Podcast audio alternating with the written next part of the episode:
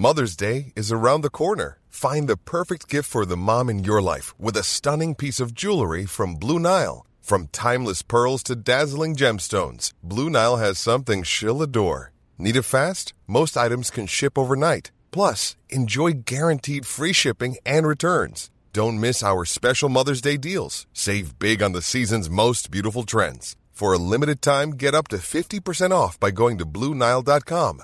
That's BlueNile.com. There's never been a faster or easier way to start your weight loss journey than with PlushCare. PlushCare accepts most insurance plans and gives you online access to board-certified physicians who can prescribe FDA-approved weight loss medications like Wigovi and Zepbound for those who qualify. Take charge of your health and speak with a board-certified physician about a weight loss plan that's right for you. Get started today at plushcare.com slash weight loss. That's plushcare.com slash weight loss. plushcare.com slash weight loss. Everyone knows therapy is great for solving problems, but getting therapy has its own problems too, like finding the right therapist, fitting into their schedule, and of course, the cost. Well, BetterHelp can solve those problems. It's totally online and built around your schedule. It's surprisingly affordable too. Connect with a credentialed therapist by phone, video, or online chat, all from the comfort of your home. Visit betterhelp.com to learn more and save 10% on your first month. That's BetterHelp H E L P.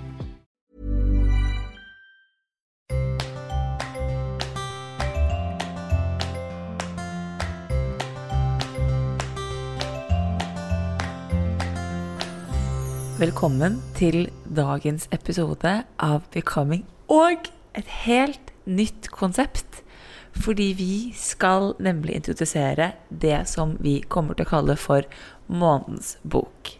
Det vil si at ved én episode i måneden skal snakke om en bok vi har lest, som dere kanskje har anbefalt, eller som vi vil anbefale til dere, om vår opplevelse, våre tanker og hva boken har gitt oss. Og i den første episoden av eh, Bokklubben, som vi kommer til å kalle dette konseptet, så skal vi snakke om The Choice by Dr. Edith Eager. Fordi er det én bok som jeg og Belinda har snakket om bak lukkede dører denne sommeren her, så er det denne boken her. Så følg med i dagens episode av Bokklubben for å få med deg hva vi tenker om The Choice. I vår så konfirmerte min eh, bonusdatter seg. Og hun hadde sånn humanetisk konfirmasjon, som er det fineste jeg vet på denne jord. Og noe jeg alltid gleder meg til, for jeg har mange konfirmerte kids i min familie som har gjort det humanetisk. Det er den talen som blir holdt av lederen for dette her til ungdommene. Jeg syns alltid den er så sterk og så rørende. Og i år så fortalte lederen om eh, hennes idol. Og hun sier at mitt idol er en 95 år gammel kvinne som heter Edith Eager. Så Edith Eager er en av de siste overlevende kvinnene fra Auschwitz, fra The Holocaust. Og så Edith Eager hun var en 16-17 år gammel jente som da ble sendt til Auschwitz sammen med sin søster Magda og sin mor og sin far. Første dag da de kom dit, så ble hun stilt et spørsmål. De separerte menn fra kvinner med en gang. Og så var det dr. Mengele, som har blitt kjent som um, sånn tortur eh, liksom sendt fra, fra djevelen sjøl. Han var en, en utrolig sånn torturerende eh, kar i Auschwitz. Han da spurte Edith, som da sto og holdt fast på mora si, mens søstera sto og holdt fast på mora på den andre sida. Mora så veldig ung og flott ut, hadde en veldig sånn fin, ung, glatt hud. Men her så skulle han bare ta med seg videre de som var over en viss alder og under en viss annen alder. Så stilte han Edith da et spørsmål som er er dette din mor, eller er det din søster? Og Edith fikk litt panikk, og visste ikke hva riktig svar var, men hun sa det er min mor. Da ble mora fratatt, og så sa med dr. Mengele så sa han du kommer til å se henne seinere. Litt seinere så ble de tatt inn i en brakke. De ble, fikk klippet håret sitt, eller barbert håret siit. De ble tatt inn i en brakke.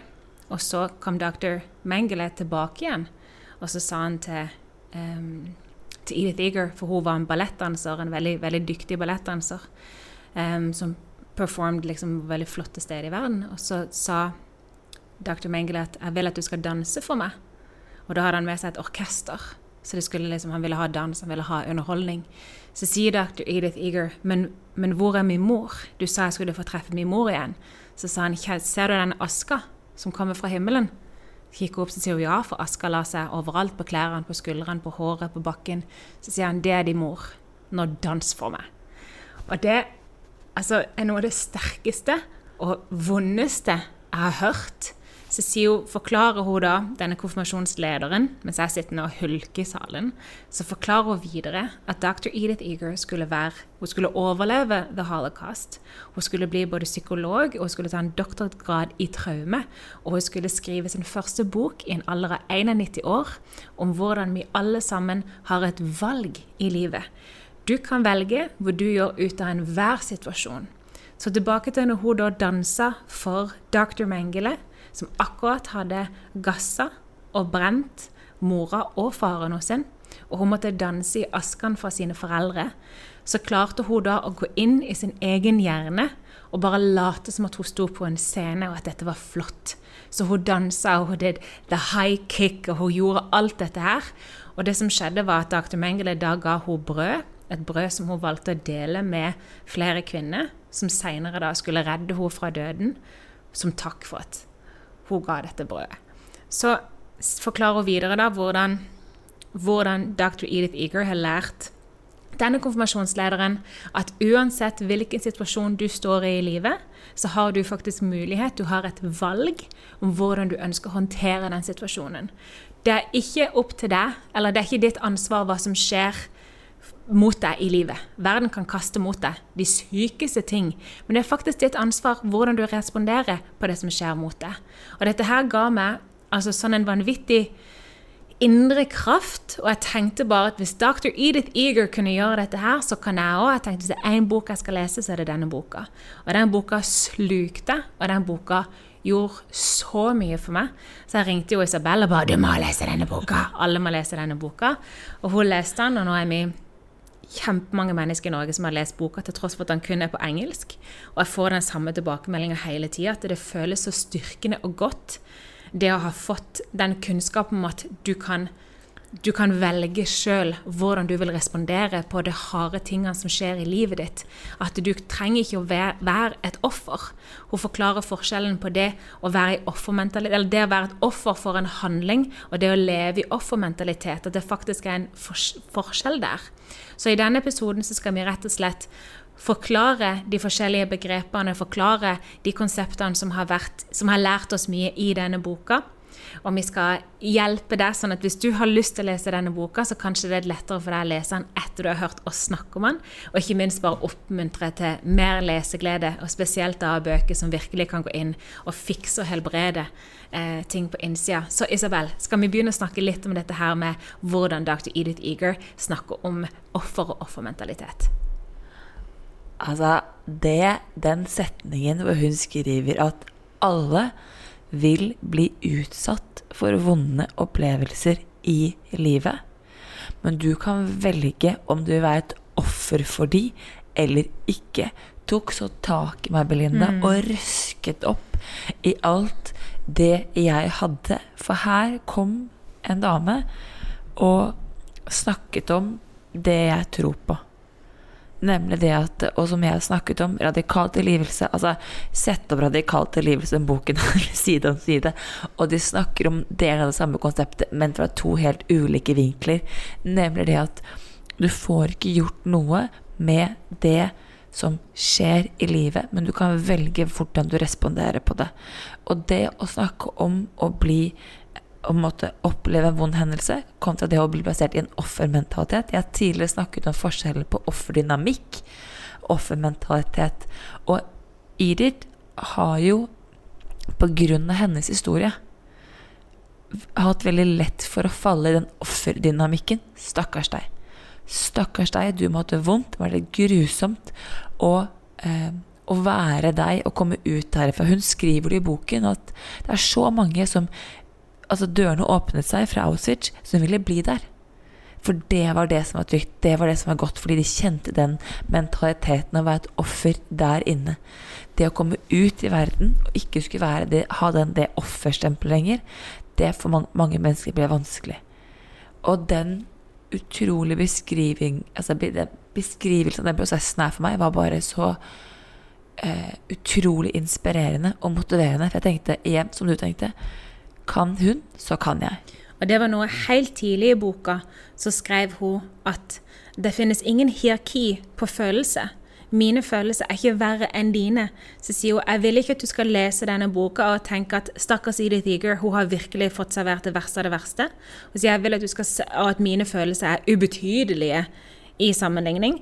Hun sier jeg vil at du skal lese denne boka og forstå at hvis jeg kan, så kan kanskje du òg. Og det var noe av det, på, Helt i starten så står dette her, og du tenkte med en gang så går hun inn og validerer mine følelser, min opplevelse, og sier du har rett til å føle det du føler. Det finnes ingen hierarki. Mine følelser er ikke verre enn dine følelser. Og sammen så skal vi nå finne ut av hvordan vi kan komme oss ut av den Auschwitzen som vi veldig ofte lager i vårt eget hode. Og noe av det i starten nå, så um, Noe av det første som tok meg, selvfølgelig er det denne her radikale historien om hva som har hendt med henne i livet. Så boka er på en måte delt i to. Det er først hennes personlige historie og hva som faktisk skjedde. Den er veldig, veldig sterk å lese. Så går han over på eh, Isabel sitter nå med sånn kjempestore øyne, for dette, hun klarte Ja, nesten kan jeg bare ikke si ja. en ting? Ja, det skal jeg bare sånn sies.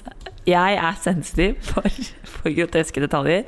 Den delen hvor hun forklarer Auschwitz Altså Det var så brutalt for meg, Belinda, at jeg måtte lese husmorsporno mellom slagene for å balansere ut smerten jeg følte via, via hennes historie.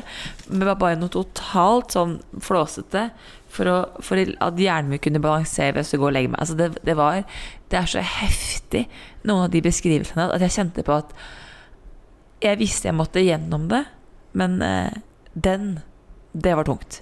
Når hun er ferdig med Auschwitz, da var jeg sånn Ok, nå er jeg med. Nå, nå kan vi snakke. La oss Nå kan jeg være med. For Edith, Men ja. Edith Eager endte jo opp med å bli en psykolog og ta en doktorgrad, som jeg nevnte tidligere, i traumebehandling, og jobber da med mye pasienter. Så hun klarer jo da å psykoanalysere seg sjøl og ta oss med på den reisen.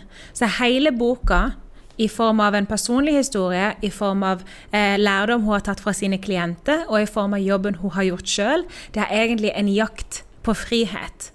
Og i starten av boka så forklarer Edith òg at eh, frihet, din indre frihet som menneske, den ligger i å kunne akseptere hva som har skjedd med deg. Og så begynner man på en måte der å jobbe seg oppover. Og du må gjennom, du må forbi skam, du må lære å føle. Og en av de tingene som eh, Nå hopper vi sikkert litt frem og tilbake her, for dette her med Først så snakker vi om dette her med victimhood. Sant? Det å være et offer eller leve i offermentalitet. For hun sier jo at det, forferdelige ting skjer med veldig mange mennesker på denne jord. Men du kan faktisk velge. Du har et choice. Du har et valg om hva du vil gjøre med den situasjonen. Hun har jo valgt å eh, lete etter friheter, om vi kan si det på det viset. Og en av de tingene som jeg syns var så utrolig sterkt, basert på noe som vi snakker om ofte her i podden, som er da følelse, det var at Edith, da hun kom ut av Auschwitz, så prøvde hun å late som at ingenting hadde skjedd. Så hun gikk, hun gifta seg, hun fikk barn, hun flytta til USA, hun lærte et nytt språk, hun liksom, eh, begynte å studere, men hun nekta å føle på det som hadde skjedd. Hun ville ikke dele det med sine barn, hun ville ikke snakke om det eh, med mannen sin, til tross for at han visste alt hun hadde vært igjennom. Så hun, da hun skjønte at hun var nødt til å føle på dette her, så gikk hun til sin psykolog. Eh, og så sa hun til sin psykolog, for Edith Eager likte ikke så godt å bli holdt. Så hun sa til psykologen sin at jeg trenger at du skal sitte på meg fysisk, og ikke, meg, ikke slippe meg fri før jeg har blitt skikkelig sinna. For jeg må få ut disse følelsene av Å, det er så vanskelig å snakke om uten å begynne å grine, for det er så sterkt. Og så jeg, jeg trenger å få ut disse følelsene av sinne som ikke jeg klarer å få ut av min kropp, som ikke jeg klarer å komme i kontakt med. Så psykologen riktignok setter seg på henne. Og hvis jeg Til begynnelsen så var det bare litt sånn småirriterende, og så begynte dette her sinnet å komme. Og etter en stund så kom det det som Du kan kun beskrive det som et urrop. Hun sa at hun brølte så høyt og så lenge at det var som om all sinne bare forlot kroppen hennes. Og så har hun aldri hørt Hun visste ikke at hennes kropp, hennes lille, sped, tynne kropp, var i stand til å kunne lage disse lydene. Og da begynte på en måte hennes reise mot frihet. På ordentlig. Og det er jo igjen, det går jo så tilbake til dette her konseptet med at du må føle følelsene dine. Hvis du bare lar de være i kroppen, så vil de bare som en snøball bygge seg større og større og større. og større. Og akkurat den var så sinnssykt sterk for meg. Hvordan reagerte du når du leste om den historien, Isabel? Altså det, er det flere ting eh, som bare sier. Mm. For det første så er det um, Vi har jo vårt nervesystem. Eh, det sympatiske nervesystemet har jo blir jo aktivert når vi kjenner på en trussel eller fare. Da har man, vi snakker veldig ofte om tre. Vi snakker om fight, flight or freeze mode. Mm. Men du har to ting. Du har det som kalles overgivelse, og så har du det som kalles tilkallingsrop. Og et tilkallingsrop er noe sånn som dyr har. Det er noe vi alle mennesker har, har, um, har til, tilgang til. Og da jeg leste den delen her, så tenkte jeg det er det hun får. Det er det hun får, på, altså det er det hun får tilgang til. Eh, men fascinerende for meg var jo det at i forkant så hadde jo Husk på at når hun kom ut av, av Auschwitz, så har hun ikke tilgang på noe vokabulær. Hun blir psykolog eh, fordi hun skjønner at hun må lære. Det sies jo at 'research is me search'. Og det er jo Edith liksom, eksperten på, et levende bevis på. Men hun ser egentlig jenta seg som får tilgang på sinne. Og så ser hun at det har ikke jeg. Hun sier at ok, du blir sint, men det gjør ikke jeg. Her er det et eller annet jeg må ta tak i. Og når hun får tak i det sinnet, så kjenner jeg meg så sykt igjen som den kvinnen som står på stuegulvet og skriker og hoier fordi det jeg har fått Jeg har også fått um, tilgang på lyder jeg ikke visste jeg hadde i kroppen min. Ting jeg ikke visste lå latent der. Og som hun sier, at det er ikke de følelsene som kommer ut, som er farlig. Det er de følelsene som blir igjen på innsiden. Den der har jeg brukt som en mantra i etterkant. Jeg er helt sånn her besatt av å føle alt som kommer min vei. Jeg skal ikke holde de inne. Det er de, som, de følelsene du holder inne, de gjør deg syk. Ja, og det er det å faktisk se at ok, det å tørre for, no, Veldig mange av mine klienter er jo veldig redde for Eller kommer til meg med en form være skeptisk av at Men må jeg rope? For jeg ber alltid veldig mine klienter om å få lov å rope og skrike og uttrykke seg. Og det ble alltid møtt med motstand. Men det å lære seg et uttrykk, det å få tilgang på disse følelsene som vi ikke har likt å ikke ønsker å føle, få tilgang på det sinnet, på den eh, eh, frykten som ligger laget i kroppen vår, og uttrykke det, er så sinnssykt befriende. Skummelt, ja. 100% befriende. Absolutt. Det å tillate selv å bli sint, og tillate selv å ha disse reaksjonene, tror jeg det er noe mens menneskelig du kan gjøre, faktisk. Jeg er jo en av de som har hatt kjempeproblemer med å lage lyd. Jeg liker ikke høye lyder. Jeg kan kjøre seks timer i bil uten å høre på noe som helst. Sant? Jeg, jeg syns det er kjempevanskelig da å f.eks. skrike uten følelse. Men så kan jeg kjenne på at jeg har behov, at det er noe som er inni meg som gjerne vil ut. Um, og det jeg får det ut på nå, det er faktisk når eh, jeg har en PT her nede som har blitt en veldig nær venninne av meg. Hun er sånn henne, jeg hatelsker når hun trener meg, sant? men hun pusher meg til der hvor jeg brøler. Og det er veldig fascinerende, for dette, der henter jeg inn og slipper det ut. Eh, så man vil på en måte finne eh, man kan, Hvis man leter, så vil man finne sin egen måte å faktisk få det ut på. Men jeg har jo vært en person som ikke har sett verdien av å skrike, fram til jeg skjønte at ok, hvis dette er noe som hele verden snakker om alle som har vært gjennom tøffe tak, alle som eh, jobber som psykologer, som jobber som terapeuter, som har uh, jobba med traumebehandling. Hvis alle disse folka sier at det er sunt for deg å skrike, så skal ikke jeg sitte her og si nei, syns ikke det? så jeg måtte lete etter min metode, og det var uh, min søster som reagerte. Jeg visste ikke at jeg gjorde det engang, det var min søster som reagerte på det først. Hun em, var med meg på trening, og midt i så sier hun 'hva er det du gjør for noe', hva er disse lydene? Og jeg var sånn, hva det lyder? Og så sa Victoria bare, aha, she does this. Like, like with the biggest smile, because she knew, she knows, sant? Hun bare, she does this. Jeg bare, hva er det jeg gjør for noe? Og de bare, du brøler. Du brøler som en bjørn. Skikkelig grovt brøl. Og det har jeg reagert på etterkant, og det er noe jeg kan kjenne at jeg gleder meg til å få utløp for. Og Edith Eager trengte at noen skulle sitte på henne for at hun kunne komme i kontakt med det urbrølet. Jeg trenger at noen skal trene meg til jeg blir så sint og så fortvilt og så oppgitt at jeg noen ganger gråter, og veldig ofte brøler.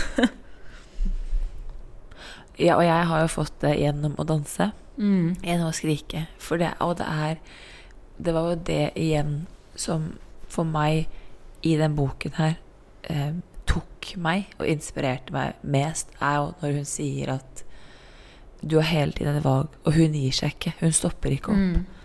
Hun stopper ikke opp en eneste gang i sin reise. Hun fortsetter og hun fortsetter og hun fortsetter og hun fortsetter. Og der var det hun tok meg. Det at hun ga seg aldri. Hun fortsatte sin egen reise, og jeg tror hun gjør det dag i dag. Eh, hun fortsatte og fortsatte og fortsatte. Og det var der jeg kjenner på ok, det er hun jeg vil være. Mm. Jeg vil ikke være hun som er redd for, de, for det minnet eller den følelsen eller det som har skjedd meg, med hun som tør å validere og føle og være fullt og helt hele meg. I, eh, flere ganger gjennom boka også refererer til en setning som også var så sterk for meg. Hun sier at all din ekstreme lykke i livet vil kun komme fra innsiden.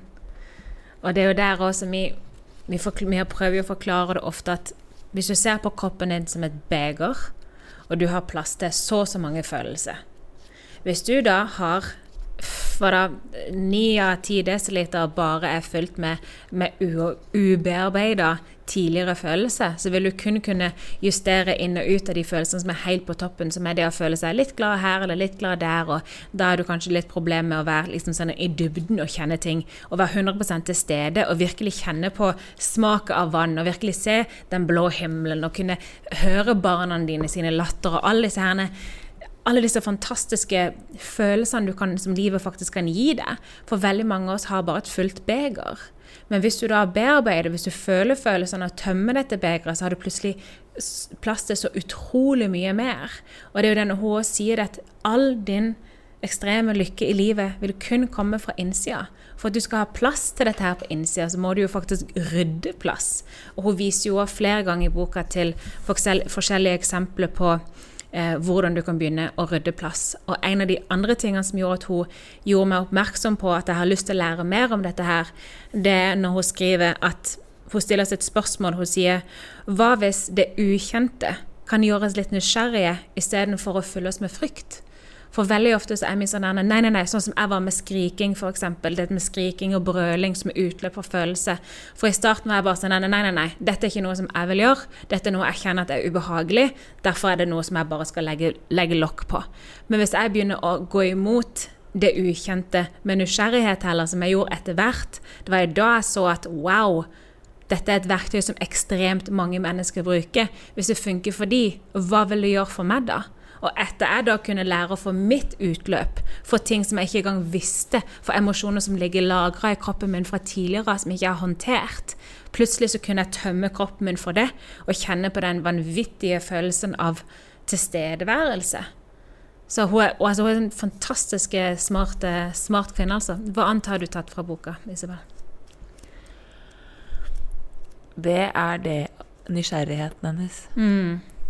For hun eh, Og jeg gleder meg så veldig, for vi skal i neste episode, si når vi skal i neste episode, så skal vi faktisk ha inn en veldig, veldig god venn av meg, som også er psykologspesialist, som har lest boken, som skal snakke mer om traumer og triggere. Det er en episode jeg gleder meg skikkelig en samtale jeg gleder meg veldig, veldig til å ha.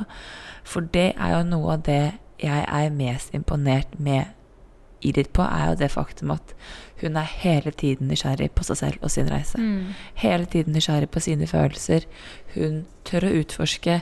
Hun stopper ikke opp. Um, og hun har jo da veldig, veldig magisk på en eller annen magisk måte så har Hun overlever sammen med sin søster. Mm. Og de blir hverandres eh, inspirasjon og motivasjon gjennom den tiden i Auschwitz. Og søsteren Magda har ikke samme behov som det Irit har i sin reise. Men Irit har et behov, ekstremt behov for å forstå seg selv og sin historie. Og der kjenner jeg meg sånn igjen. Det å forstå hvor kommer den reaksjonen herfra, hvor kommer den følelsen herfra. Og jeg vil ikke Hun har et eget kapittel som heter Then Hitler won.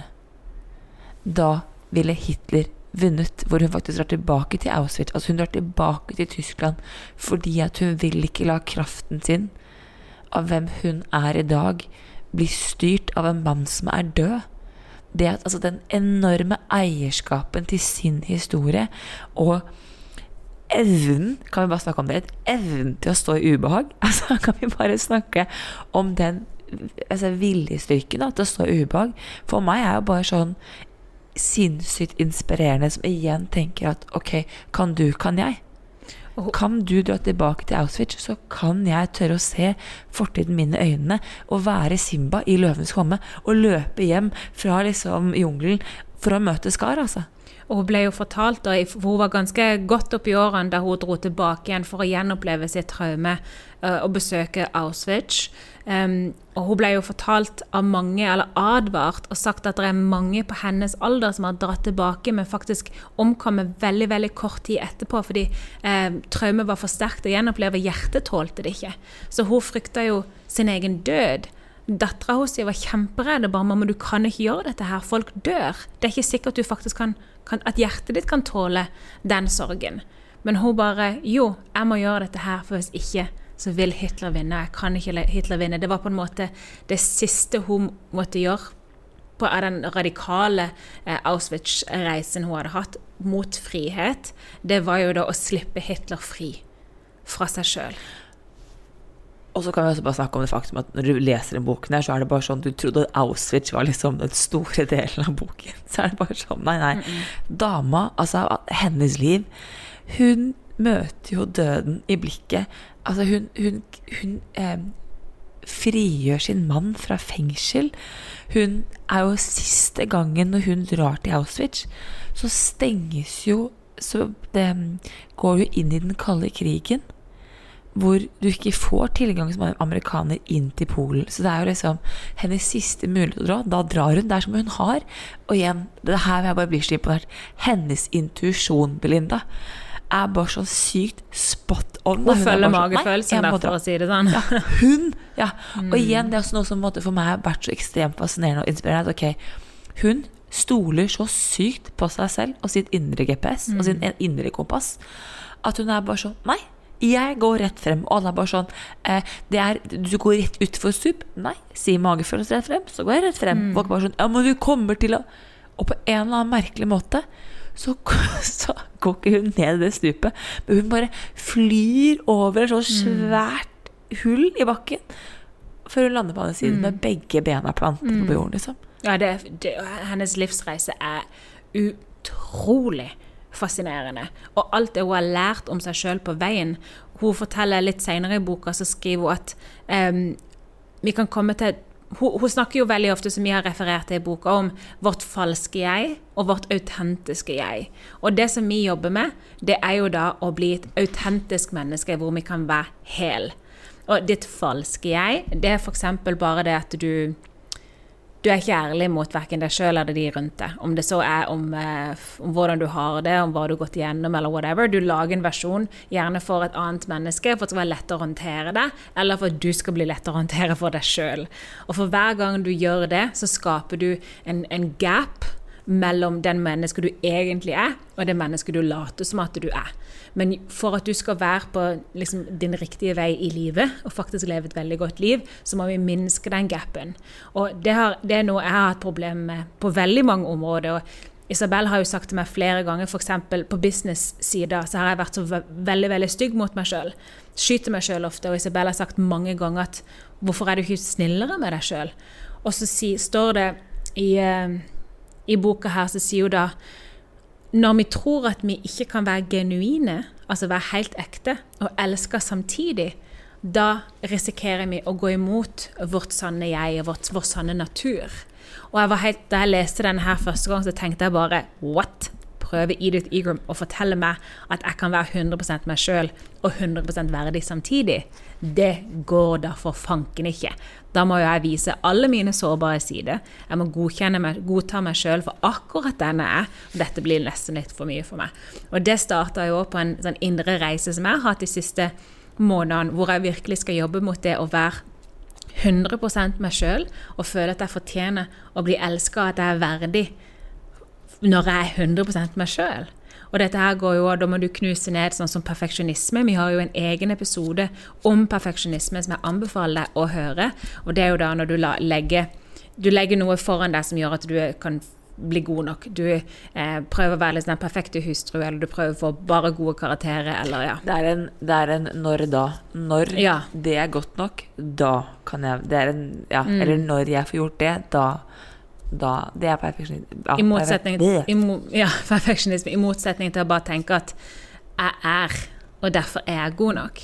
Og vittig enough, vittig enough, vittig nok um, Det som skulle få meg til å forstå ja, Det som skulle få meg til å forstå at jeg faktisk er god nok bare med å være, for det konseptet det klarte ikke jeg å tro på. Jeg synes Det var noe av det dummeste jeg hadde hørt. For jeg har levd i hele mitt liv med tanken på at jeg er god nok når jeg, opplever, når jeg oppnår noe. Sant? Jeg er god nok når jeg får gode karakterer. Da kan pappa få lov til å elske meg. Eh, når jeg har gjort eh, jobben min og vært en god hustru og levert, servert middag og alle disse tingene, da kan Janko, min mann, få lov til å elske meg. Når jeg gir noen gave eller gjør noe spesielt for en venninne, da kan en venninne få lov til å elske meg. Men for guds skyld ikke fortell meg at folk skal elske meg hvis jeg bare våkner opp på dette sted. Dummeste jeg hadde hørt. Men så var vi på reise i sommer, i den tida hvor jeg leste denne boka. Og overalt hvor vi var, så så vi hunder. Og vi hadde reist fra våre hunder. Sant? De var på, eh, på vacation i Altea. Eh, og jeg savna de selvfølgelig mye. Og for hver hund vi og Janko møtte, han er like glad i hunder som meg, så var vi helt sånn hele Se på den hunden! sant? Så gikk det opp for meg at jeg elsker av hele mitt hjerte alle hunder på denne jord. Og så tenkte jeg wow!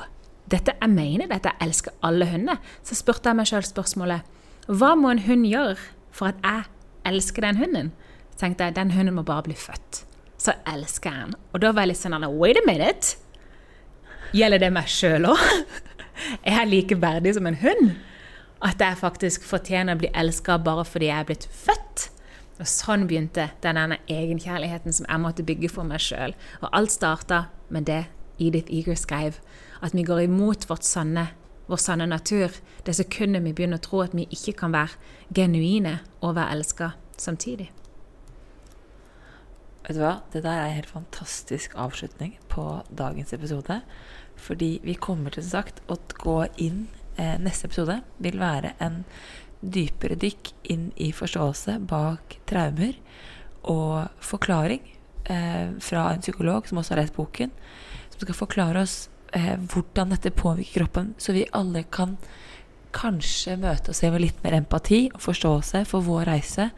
For er det én ting Irit har lært meg gjennom boken her, som jeg faktisk det, å, det vet du hva? Nå tar jeg den på spontanen her. Dette bare skjedde.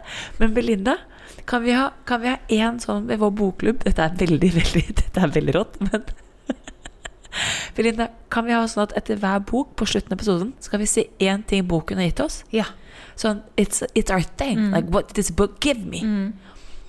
Så da starter jeg med den her. Fordi er det én ting dette har gitt meg, så er det faktisk eh, bekreftelsen på viktigheten av uttrykk.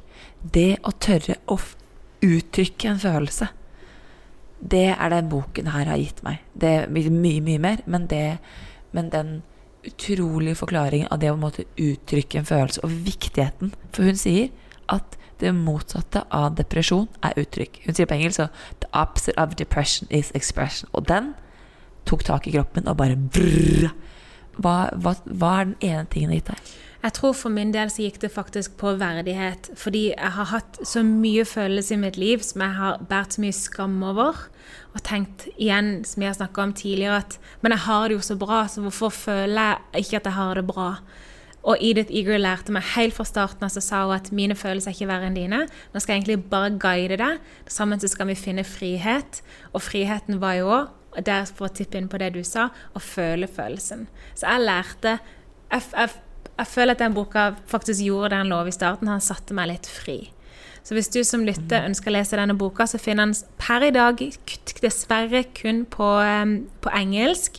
Vi jobber faktisk med å få den oversatt til norsk. Vi prøver å se interessen for det. Så veldig gjerne, hvis du har lyst til å ha den på norsk, altså send oss en DM ja. på At Becoming the Podcast, ja, så vi kan ta med det. Jo flere som sender oss en melding om å få den på norsk, jo lettere kan vi ta det videre til diverse forlag og se om vi kan faktisk få den oversatt. Um, så hvis ikke, hvis du vil lese den på engelsk, så er den uh, fint og godt skrevet. Og du finner den da hos uh, Ark og Nordli og Ed Libris, tror jeg har den, og, og, veldig mange steder på nett. Og det er en bok som jeg vil anbefale alle mennesker, gutter og jenter i alle aldre, å virkelig lese. Så uh, The Choice av Dr. Edith Eager er altså månedens bokanbefaling. Takk for at du lytta. Ha det.